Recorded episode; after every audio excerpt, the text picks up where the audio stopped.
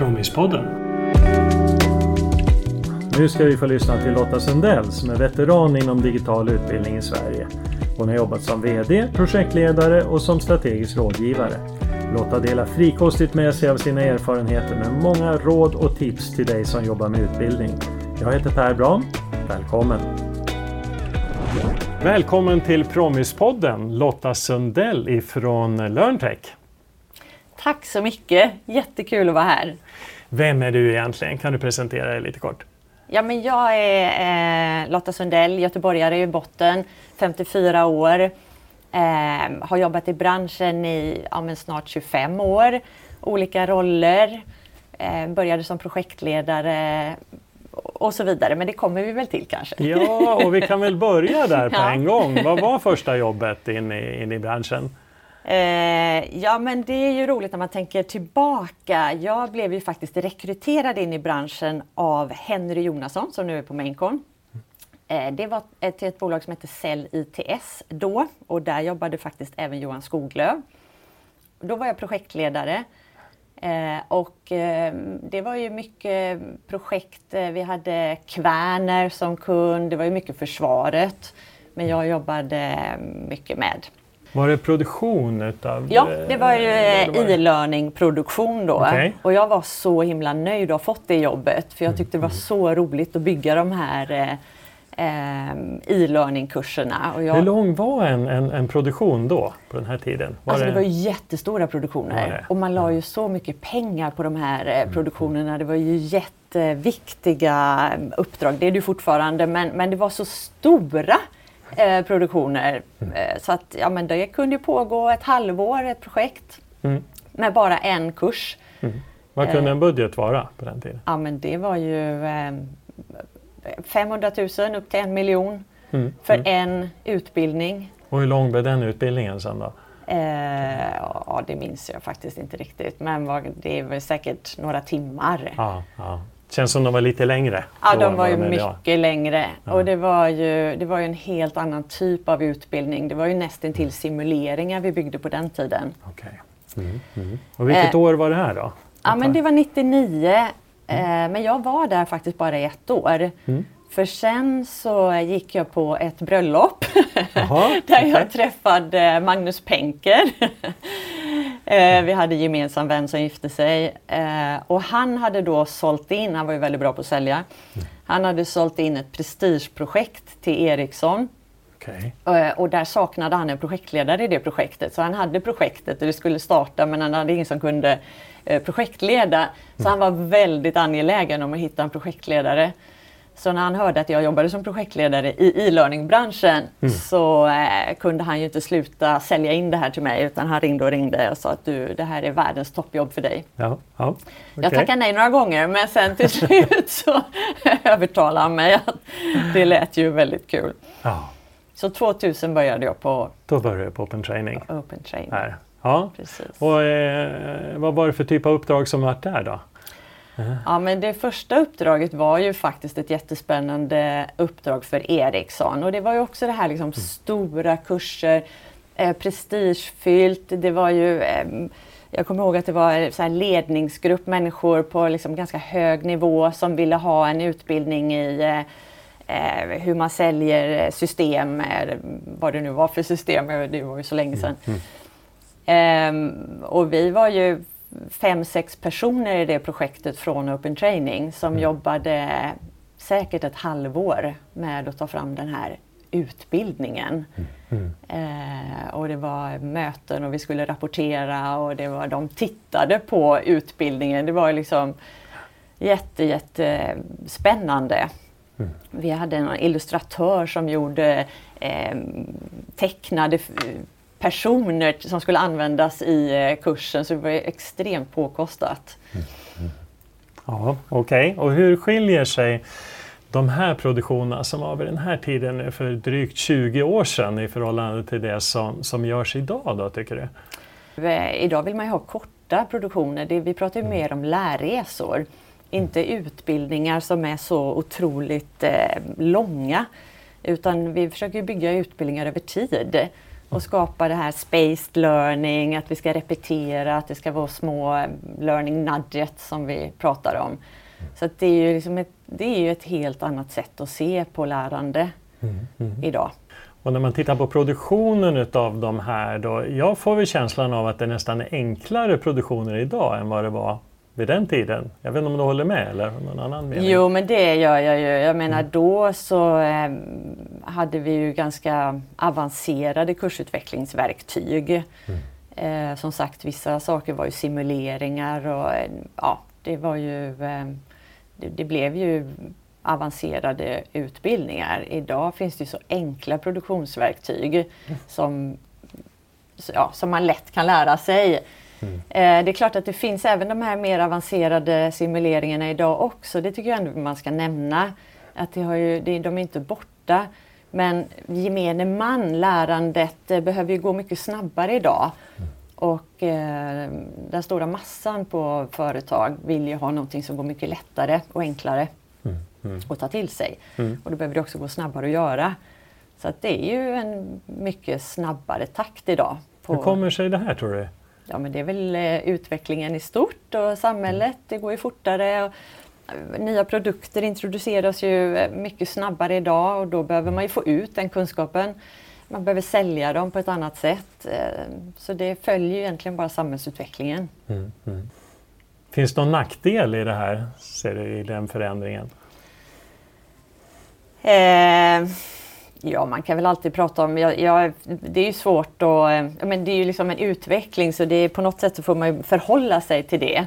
Mm. Eh, sen kan jag tänka mig att många som tycker att det är roligt att jobba med kursproduktion och verkligen göra de här mer avancerade eh, de kanske inte får utrymme för den kreativiteten mm. som det vi hade för 20 år sedan. Mm. Eh, det var ju verkligen ett hantverk.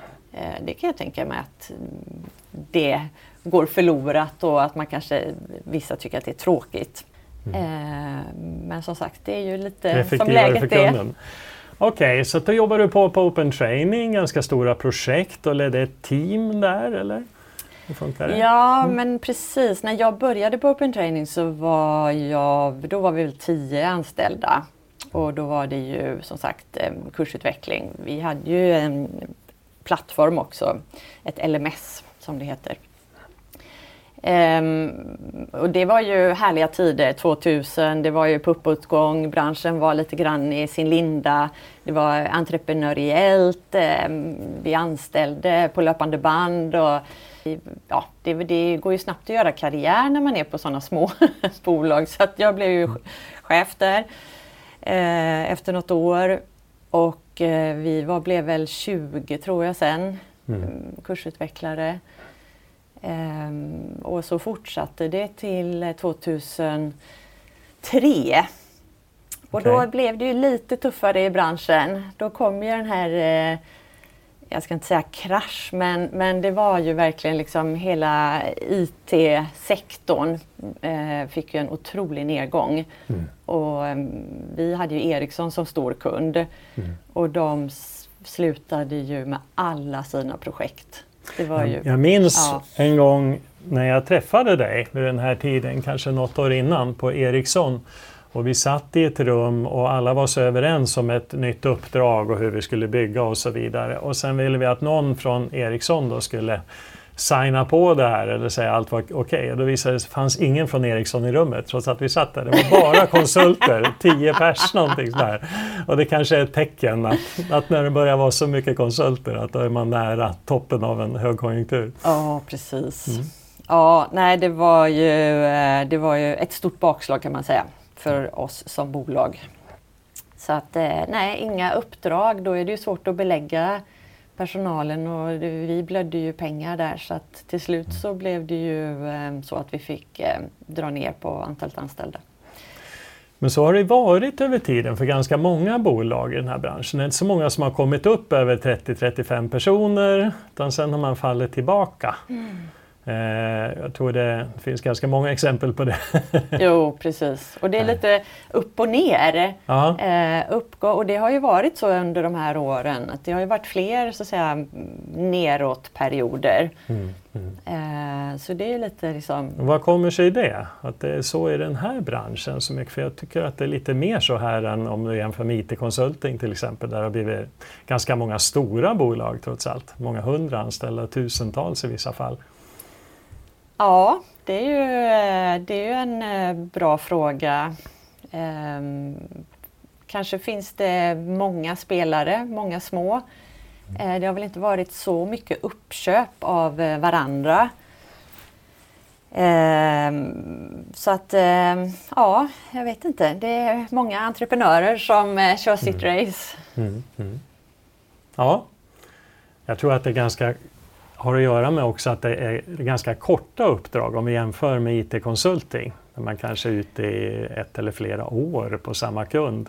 Medan det här har gått från ett halvår, var ganska långt uppdrag, till att det är fråga om månader ja. och ibland veckor. Jo, precis. Det är svårt att hålla lönsamhet på längre sikt. Det är ju väldigt svårt att hålla lönsamhet i mm. den här typen av kursutveckling när det är så små mm. eh, mm. uppdrag. Det är ju väldigt mycket försäljning som behövs. Mm. Och du fick prova på det här sen för du blev VD på Open Training. Ja precis, det var väl där i den vevan 2003 eh, när Magnus Penker och Hans-Erik Eriksson som då var grundare eh, faktiskt klev av den operativa rollen som de hade båda två och eh, lämnade över VD-ansvaret till mig. Så det var ett tydligt uppdrag, det var att se till att få det här lönsamt. Eh, då var jag 34 år. Okej. Okay. Mm.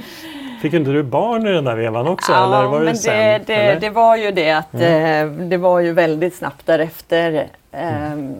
Precis. Och det var, det var en väldigt rörig tid. Dels så var det ju här att det skulle bli lönsamt och sen så var det att jag väldigt snabbt därefter blev gravid när jag var VD. Och jag har nästan minne av att eh, vi skulle, man gick ut då och representerade och träffade kunder och det var ju alltid, man skulle dricka vin. Mm. Eh, och jag var så otroligt stressad för att jag ville inte att det skulle märkas att jag var gravid. För jag tänkte det här är nog inte bra för företagets stabilitet. Mm. Att vdn så snabbt blev gravid. Uh, så att min uh, co-pilot Ingrid Andersson vill, bytte glas sådär, okay. så att hon liksom täckte upp där så att det inte skulle märkas. Okej. Okay. Mm, mm. Det var nog en annan tid det här också lite ja, grann. Precis. Det tror jag inte man behöver göra idag. Nej, mm. exakt. Nej, det var verkligen en annan tid. Mm. Mm. Och som kvinnlig VD då, det var ju inte riktigt lika vanligt. Nej, nej. Kanske som det är idag. Hur upplevde du det då på för sätt? Um, nej men jag, jag har ju alltid haft bra människor omkring mig så att det har ju inte varit så konstigt. Men det var ju ändå många eh, män på VD-posterna. Mm, mm. Så är det. Mm. Och, eh, hur märkte du det då? Att det, var det tuffare som kvinna att få, få sin röst hörd eller bli respekterad? Eller var det något sånt? Eller? Alltså jag tycker kanske ändå inte det. Eh, jag tycker ju att det har varit eh, respektfullt och bra dialog. Och, eh, jag har ju egentligen inget att jämföra med. Jag vet ju inte hur det hade varit om jag hade varit man. Mm. Så jag, har, jag har nog inte så mycket negativa upplevelser av det. Jag vet bara att jag har reflekterat över att det har varit eh, många män. Mm, mm, mm. Eh, men jag har nog inte ändå upplevt att jag har blivit eh, ifrågasatt på ett annat sätt. Det känner jag nog inte. Nej. Mm. Hur gillade du det jobbet då? Eh, ja men det var ändå roligt. Det är ju, det är ju kul att se helheten. Eh, det är ju jättestor skillnad på att vara chef på en mellannivå där du ofta får saker du ska exekvera eh, ifrån en VD eh, eller en chef ovanför dig. Men när du själv så att säga ser alltihopa och förstår och ser liksom omvärld och ser marknadsplaner och du har verkligen liksom hela ansvaret, då blir besluten så mycket lättare att ta. Mm. Så att jag tyckte faktiskt att det var jätteroligt. Det var, det var ett, verkligen ett roligt jobb. Sen var det ju tufft på ett annat sätt. För jag upplevde ju aldrig att jag var ledig. Mm. Så eh, när jag kom tillbaka efter min första mammaledighet och försökte vara VD med ett litet barn hemma så kände jag att det här, det här kanske inte är helt hållbart för mig i mm. den här mm. entreprenörsbranschen där, ja, där det blev väldigt långa arbetsdagar. Mm. Mm. Så när jag vänt, sen när jag blev gravid andra gången då och väntade mitt andra barn då bestämde jag mig för att nu är det här, nu ska jag byta roll. Nu är inte detta mm. längre för mig. Vad hittade du på då? då? Ja, men jag var ju kvar i bolaget. Vi hade ju då blivit uppköpta. Eh, Open Training blev ju uppköpt i, först av Future Media. Eh, och eh, sen i nästa vända av eh, Lumes. Så eh, när jag kom tillbaka andra gången så var det ju lite grann ett annat typ av bolag. Men jag fick ändå hyfsat, jag tyckte det var roligt. Jag fick lite fria händer och bestämde mig för att starta en konsultverksamhet. Mm. Så jag och Aron Castaneda som är på Lönster, vi försökte köra igång där en konsultverksamhet och sälja då konsulttjänster till eh, ja, men våra kunder för att se, hjälpa till och stötta med eh, lärstrategi och implementering av LMS och så vidare. Mm. Så det var ju också roliga år, lärorikt. Jag höll väl på i tre år tror jag där. Men eh, det jag kände då, det var att eh, det var ju ändå eh, inom ramen för LUMES. Vi sålde både kursproduktion och LMS och det var ju svårt att inte få analysen att landa i att ja, men ni behöver nog kurser från oss, ni behöver nog vårat LMS. Så att det kändes inte som att det blev helt oberoende, även okay. om vi jättegärna ville att det skulle framstå så. Mm, mm. Eh, så vi, på något sätt så pekade det alltid på våra produkter. Jo, jag förstår det. Och även om man försöker vara opartisk och, och annat och ha den ambitionen, för jag har själv suttit i den här sitsen, så gillar man ju de lösningar man har varit med och tagit fram. Så att man ser ju fördelar i det, så att det kan ju vara ärligt också. Men eh, så är det ju. Eh, trovärdigheten naggas ju i kanten förstås. Mm. Så är det. Så, eh, men det var roliga år och det var, det var otroligt. Det la ju ändå kanske grunden för min roll som lärkonsult. Mm. Mm. Så jag är ju jättetacksam för, ja, för all, ja, hela den erfarenheten. Det blev ju totalt faktiskt tio år eh, på Open Training slash Lumes då. Ja, men då började du hitta din roll lite mer, eller var det ett, hitta ett annat sammanhang då? Ja, precis. Nej, men det var, jag tror att jag landade i att det där var väldigt roligt. Det var ju roligt att få jobba så nära kunden. Mm. För när man sitter som leverantör och jobbar med kursutveckling, då sitter man kanske ofta eh, på sin egen arbetsplats eh, och jobbar och har liksom telefon och mailkontakt med kunden. Som konsult så satt jag ju ute hos kunden. Jag satt ju i deras lokaler, var med på deras möten, satt med i deras projekt. Eh, och jag fick ju en helt annan förståelse för deras verksamhet. Mm. Så att det var ju, tyckte jag var jätte, jätteroligt och med liksom gå hand i hand med mm. Eh, kunden. Så det var väl ändå liksom en ögonöppnare där jag kände att det här, det, det, det passar mig. Det vill jag fortsätta mm. att göra. Mm. Och då dök LearnTech upp? Ja, precis. Det var lite så här eh turliga omständigheter. Eh, då hade eh, Johan... Ett nytt bröllop? Ja, ja var det ett nytt bröllop? Nej, det var väl inte det. Fest, ja. Men det är ju det här med kontakter. Mm. Mm. Så eh, då hade Johan Skoglöf och Ulf Anneberg ett uppdrag på Ericsson och de var ju på LearnTech. Eh, där de hade gjort en omfattande analys av utbildningsverksamheten och kommit fram till att man skulle delegera ut ansvaret i verksamheten. Och då letade de efter lärkonsulter som kunde stötta de här ansvariga i verksamheten för att bli mer så att säga eh, jobba med lärande på ett mer effektivt sätt. Så de byggde upp en ganska, ja det var ju en jättespännande eh, förändring med eh, det här delegerade ansvaret i verksamheten och behövde då konsulter. Så att Johan ringde mig och frågade om jag ville hoppa på det där. Mm. Och eh, då hade jag ju som sagt kört några år på eh, Lumes och kände att eh, eh, ja, men jag är redo för någonting nytt. Så när han ringde så var det verkligen så här bara ja, ja, det låter jättebra. Mm. det är en totalt osäker värld som egenföretagare där man är helt beroende av uppdrag, ingen lön utan det blir ju bara liksom eh, ja, för det är så ni jobbar ja, precis. med er, era egna under Exakt. ett namn egentligen. Exakt. Så det är inte så mycket trygghet i, i botten. Nej men det är ju noll trygghet. Man är beroende, det är, ju, det är man ju alltid men som anställd mm. har man ju ändå kanske en grundlön. Mm. Eh, men det var, det var liksom, det var, jag behövde ingen betänketid. Det var verkligen bara så här, det här vill jag jättegärna. Så vad det var jättekul. För, ja, vad fick du för uppdrag då? då? Ja men då jobbade vi ju det här uppdraget på Ericsson först. Um, och där, det, det var, blev ju ett jättestort uppdrag. Det, vi tog ju in um, många konsulter där som stöttade Ericssons anställda för att lära sig jobba med uh, Alltså det var ju mycket, vi kallade det för way of working. Att man hade ett arbetssätt av, eh, då kallade vi det för ADDI, Eh, analys, eh, design, development, implement, evaluation. Alltså hur man jobbar med kursutveckling.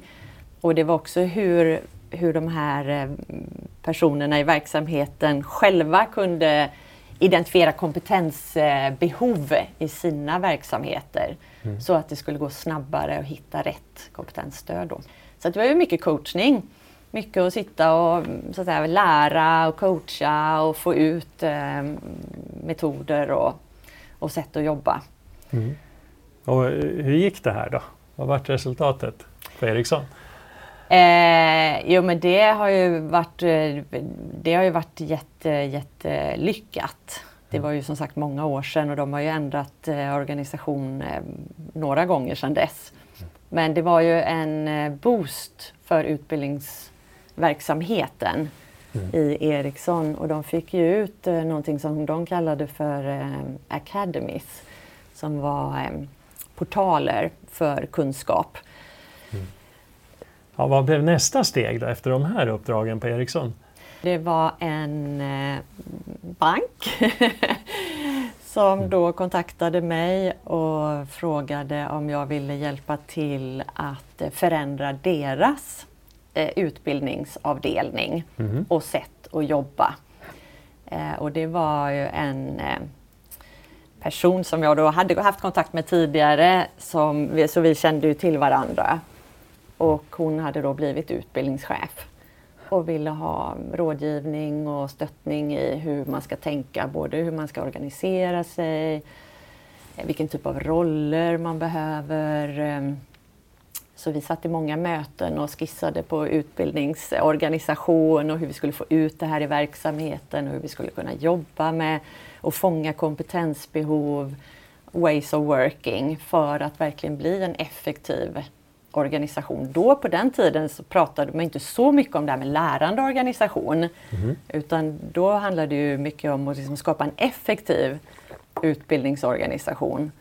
Eh, som och när du, gick in i ett sånt här, när du gick in i ett sånt här uppdrag då, hade du en idé om hur de skulle organisera sig eller när du gick in i det eller gick du in med ett vitt ark? Alltså då, det var ju lite grann ändå mitt första uppdrag på den nivån. Eh, då satt jag och läste massor med rapporter. Okay. Mm. det, var, det, var, det var väldigt mycket kvällsarbete. Mm. Eh, för att lite grann säga vad säger forskning, vad säger best practice. Eh, jag hade ju Ericsson-caset och det var ju jättestarkt men det var ju bara ett case. Mm. så att, och det är klart att vi hade andra case på LearnTech och vi har ju alltid varit jättebra på att liksom dela med oss. Men jag ville ju också veta hur gör andra, hur gör man utomlands, hur gör USA, hur gör, mm. eh, så att säga, vad säger best practice? Mm. Ehm, så att eh, vi hade många diskussioner och det är klart att jag ska ju säga att det finns ju inte det finns ju sällan liksom ett rätt svar. Utan det, man får ju anpassa sig lite också till ja, men vilken typ av verksamhet är vi i nu och vad är det som passar för dem. Så att det är svårt att komma med liksom en, eh, en mall och säga att här, så här tycker jag att ni ska göra. Och det har jag väl lärt mig också lite med åren att ställ fler frågor. Eh, det, man behöver inte komma med bara med massa goda råd utan man kommer också väldigt långt med att faktiskt fråga vad man vill uppnå. Just det.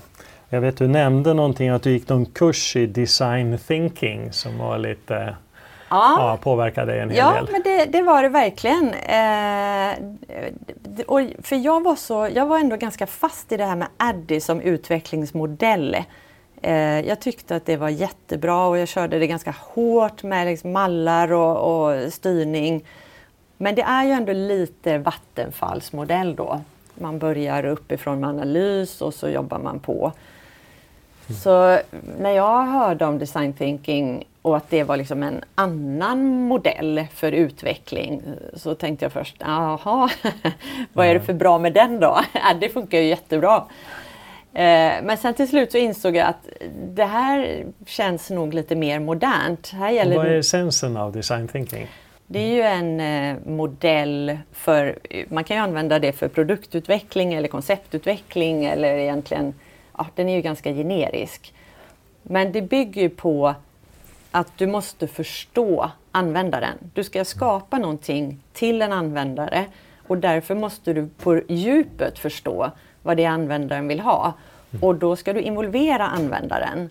Så att du ska inte sitta och bygga någonting på egen kammare eller tro att du vet utan du ska fråga, du ska sitta med användaren, du ska ta reda på vad har användaren för egentliga behov.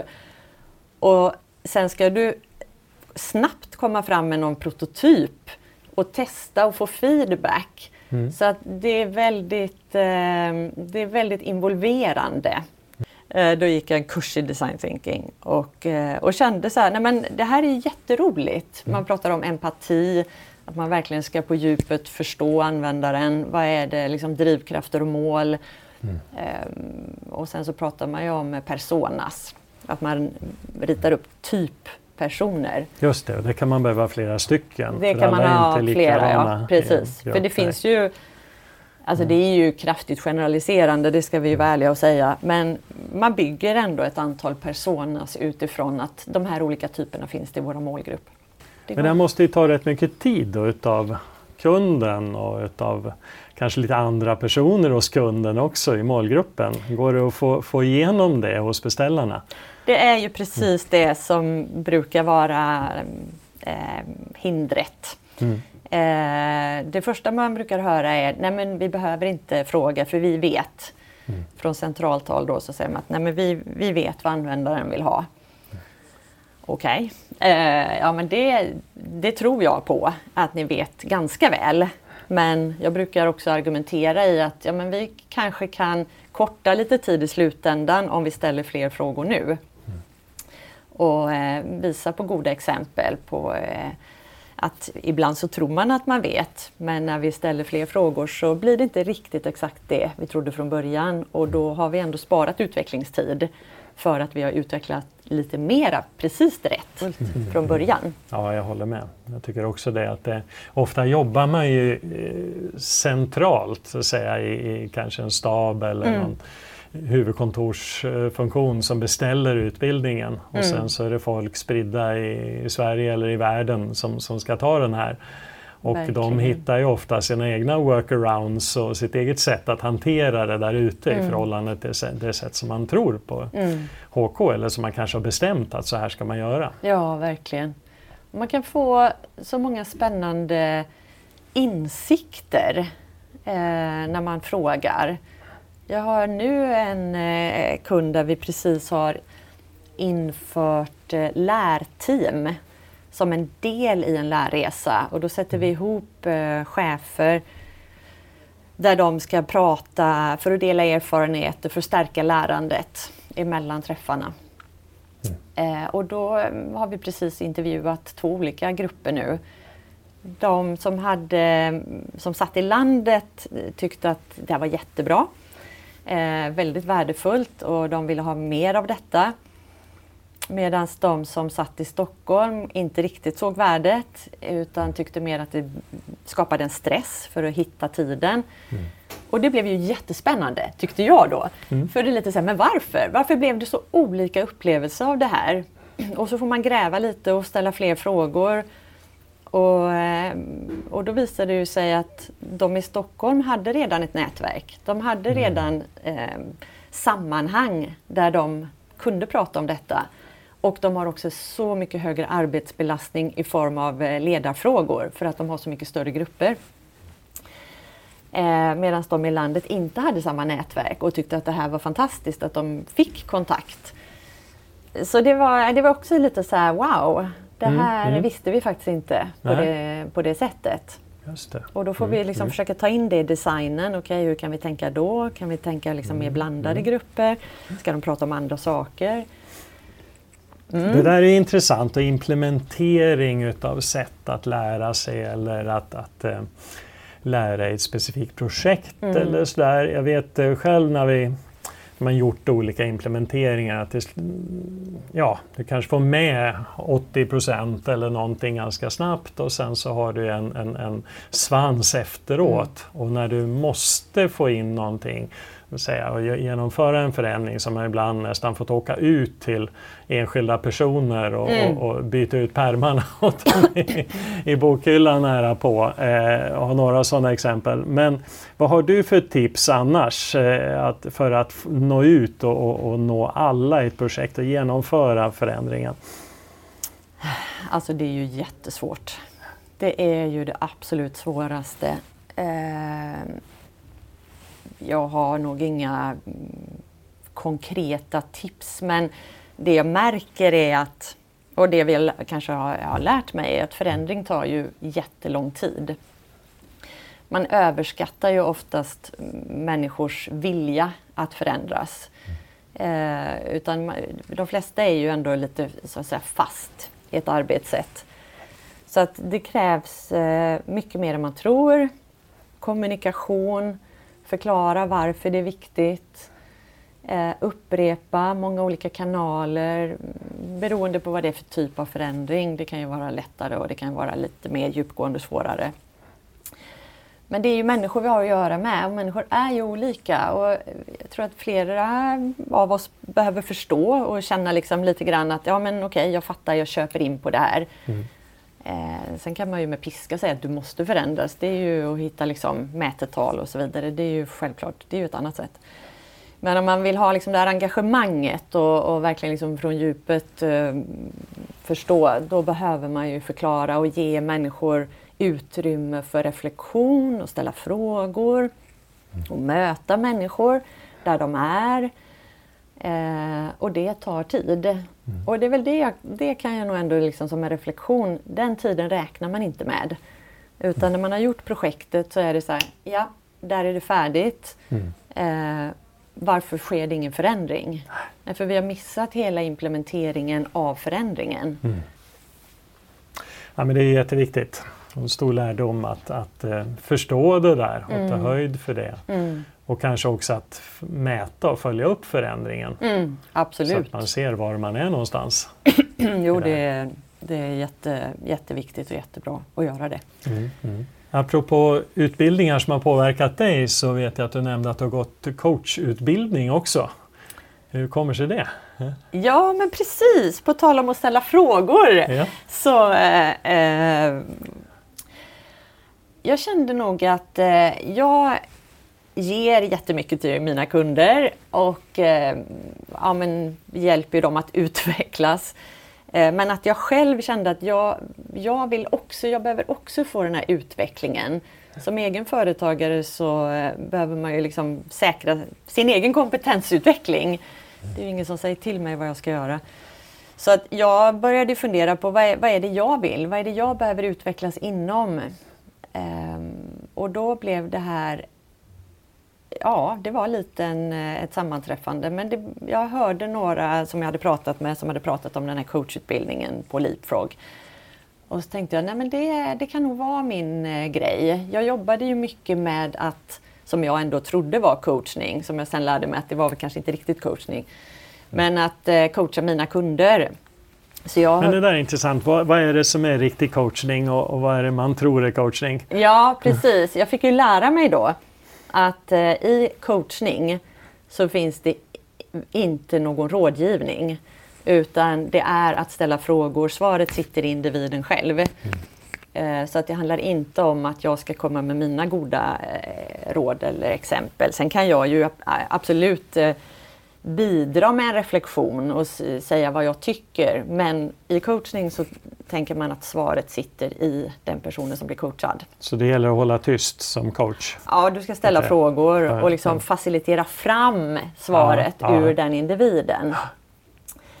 Eh, och som lärkonsult så är ju det en mix av att självklart ställa frågor för att förstå mm. men också komma med ganska mycket råd och mm. tips om hur gör andra och hur skulle vi kunna göra i den här situationen. Det är ju eh, det är självklart det som är mycket av min kompetens, att jag har med mig väldigt mycket erfarenhet från hur andra gör. Mm. Eh, och det vill ju kunderna ha. Så att säga. Vi behöver få liksom ett utifrån perspektiv. Och vad vinner man då med ett coachande förhållningssätt? Ja men eh, jag har ju tyckt att det har varit otroligt starkt att sitta i de här coachingsamtalen. Då har jag ju haft klienter som ändå har varit mer av privatpersoner.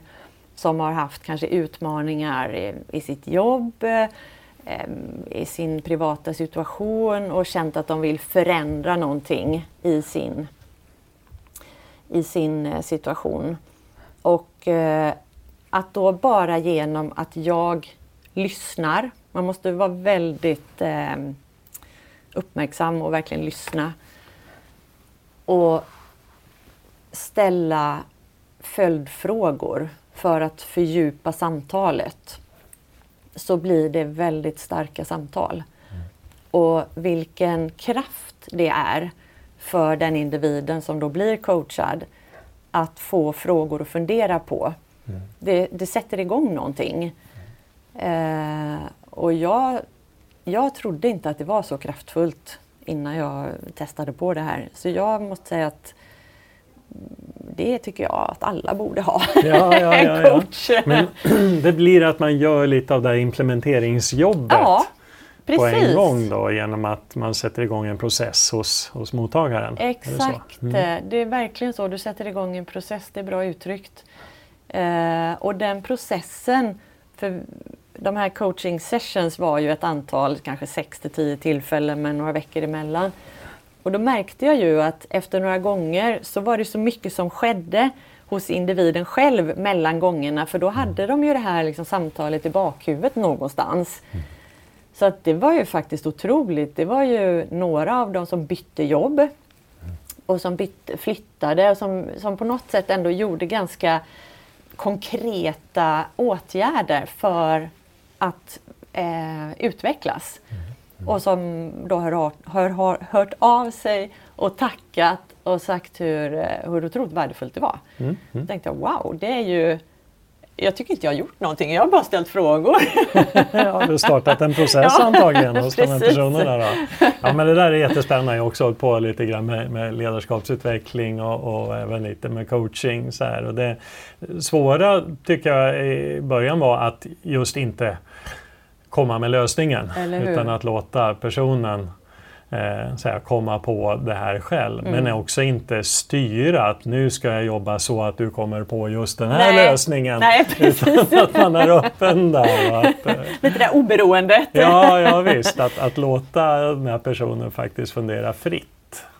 Så det, jag tror många har lite svårt för det där. Mm. Eh, I den kursen jag var, att det var, var lite tufft för många. Mm. Jo, mm. det är klart det är ju, det var ju absolut några gånger när jag satt och, och hörde personen reflektera där jag mm. själv kunde känna, men ser du inte de här sambanden? Yeah. Eh, jag tycker det verkar uppenbart att eh, mm. någonting. Eh, men, men då Sen lärde jag ju mig i och för sig att man får eh, fråga klienten om mm. jag får ge dig ett råd. Mm. Och då får ju klienten själv välja om man vill svara ja eller nej. Mm. Eh, men då måste man vara tydlig med att nu går jag ur min coachroll. Okay. Eh, nu skulle jag vilja, liksom, eller jag inte skulle vilja utan skulle du vilja höra vad jag tänker om det här. Mm. Mm. mm. mm. Ja, Spännande. Ja. Men kan du använda det här i jobbet då?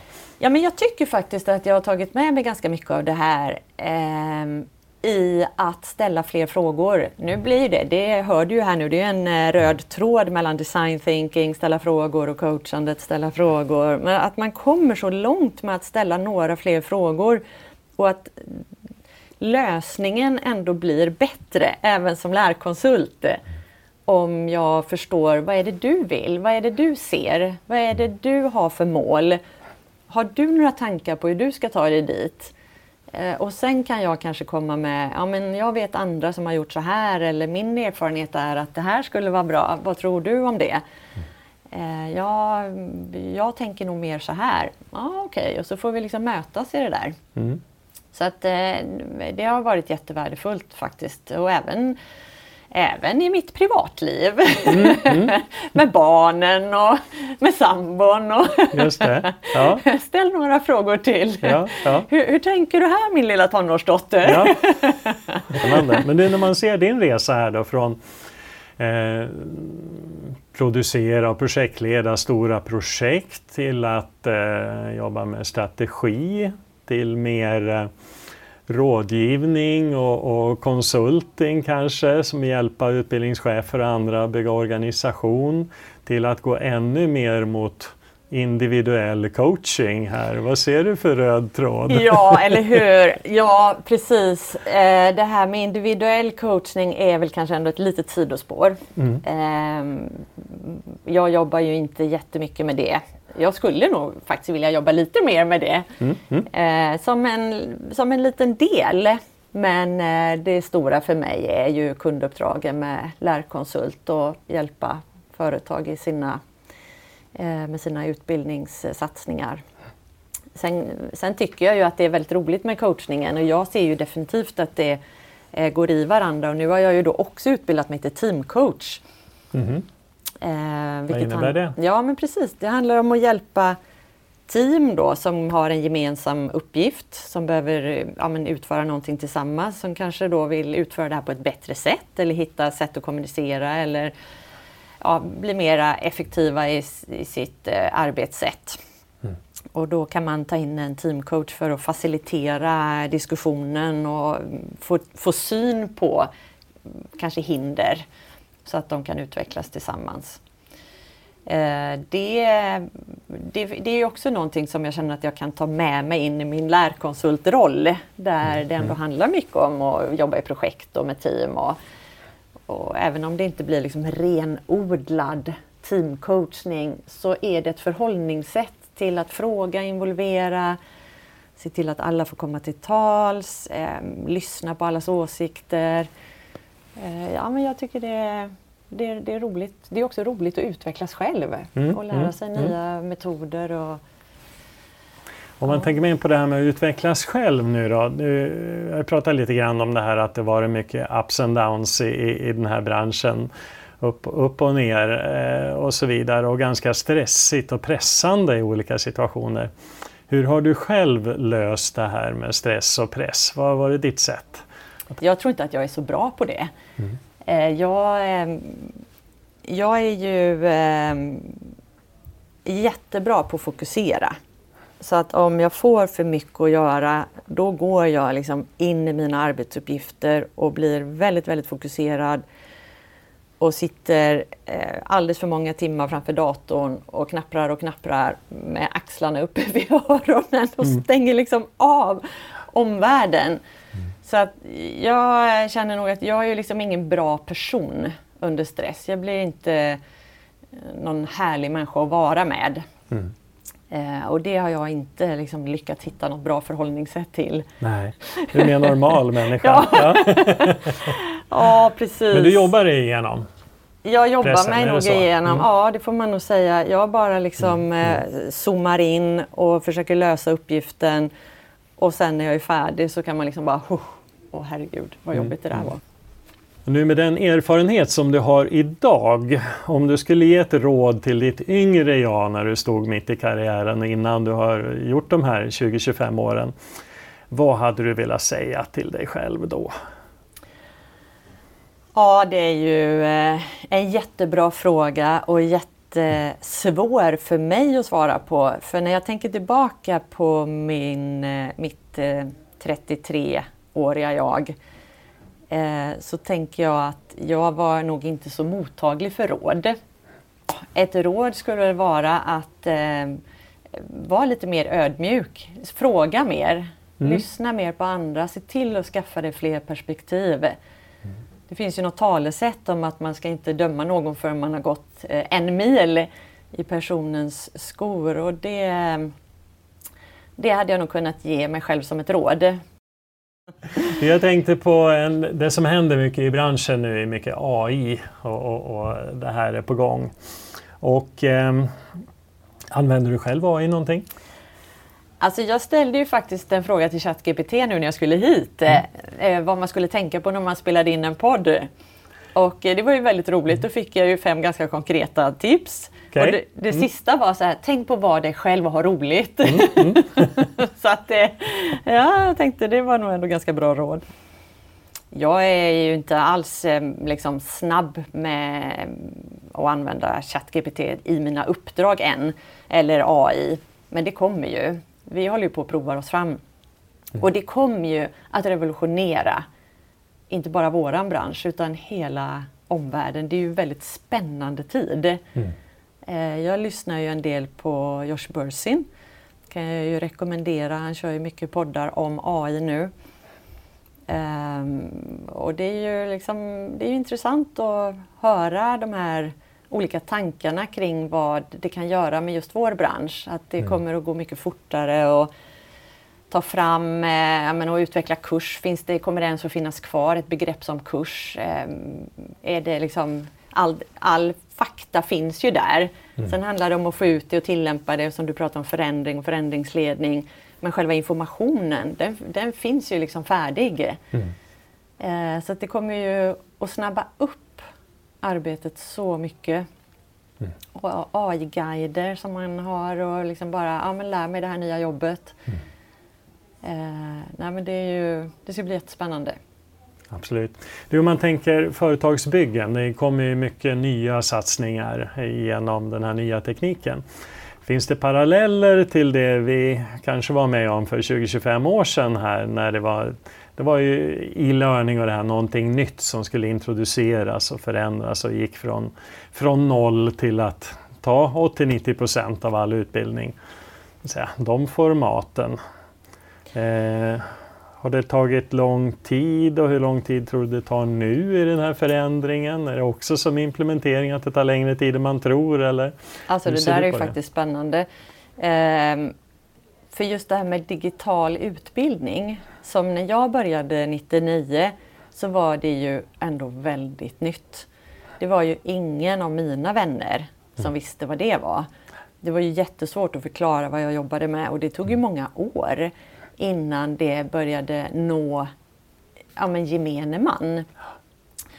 Eh, så att alltså min upplevelse är ju att det kanske ändå tog 15 år och att det är nu de senaste åren med pandemin som det har fullständigt exploderat och blivit eh, mm. ja, men, vanligt och att alla ändå vet vad det är. Mm. Eh, så att ja, det, ju, det tog ju jättelång tid. Mm. Och då kan man ju fundera på hur långt... Jag, jag tror ju i och för sig att det kommer gå fortare och fortare. Mm. Så att det tar nog inte 15-20 år eh, i nästa paradigmskifte. Det tror jag inte, men det... Det tar inte sex månader heller? Nej, det tror jag inte. Nej. Det tror jag faktiskt inte. Vi behöver också hitta ett förhållningssätt till hur vi ska använda AI och i vilka sammanhang det gör nytta. Och, eh, vad tillämpningarna blir. Vi är mm. ju ett utforskande just nu. Mm. Och hur tekniken kan hjälpa oss och eh, de som ligger i framkant och testar. Mm. Det, är ju, det är ju jättespännande. Alla pratar om det men inte så många jobbar faktiskt med det. Nej, nej. nej, nej det är jättespännande att, att se och i och med att de här stora lösningarna, internationella eller stora, stora bolagens satsningar påverkar alla andra så mycket. Mm. Det är mm. svårt kanske att driva egna projekt som inte är kopplade till de stora och se hur det kommer att fungera framåt. Verkligen. Ja, nej, men det blir en spännande framtid. Ja. Eh, ja, men vi får önska dig lycka till med det inför hösten. Tack. Stort tack för att du var med i Promispodden. Tack snälla, tack Per, jättekul. Mm. Promispodden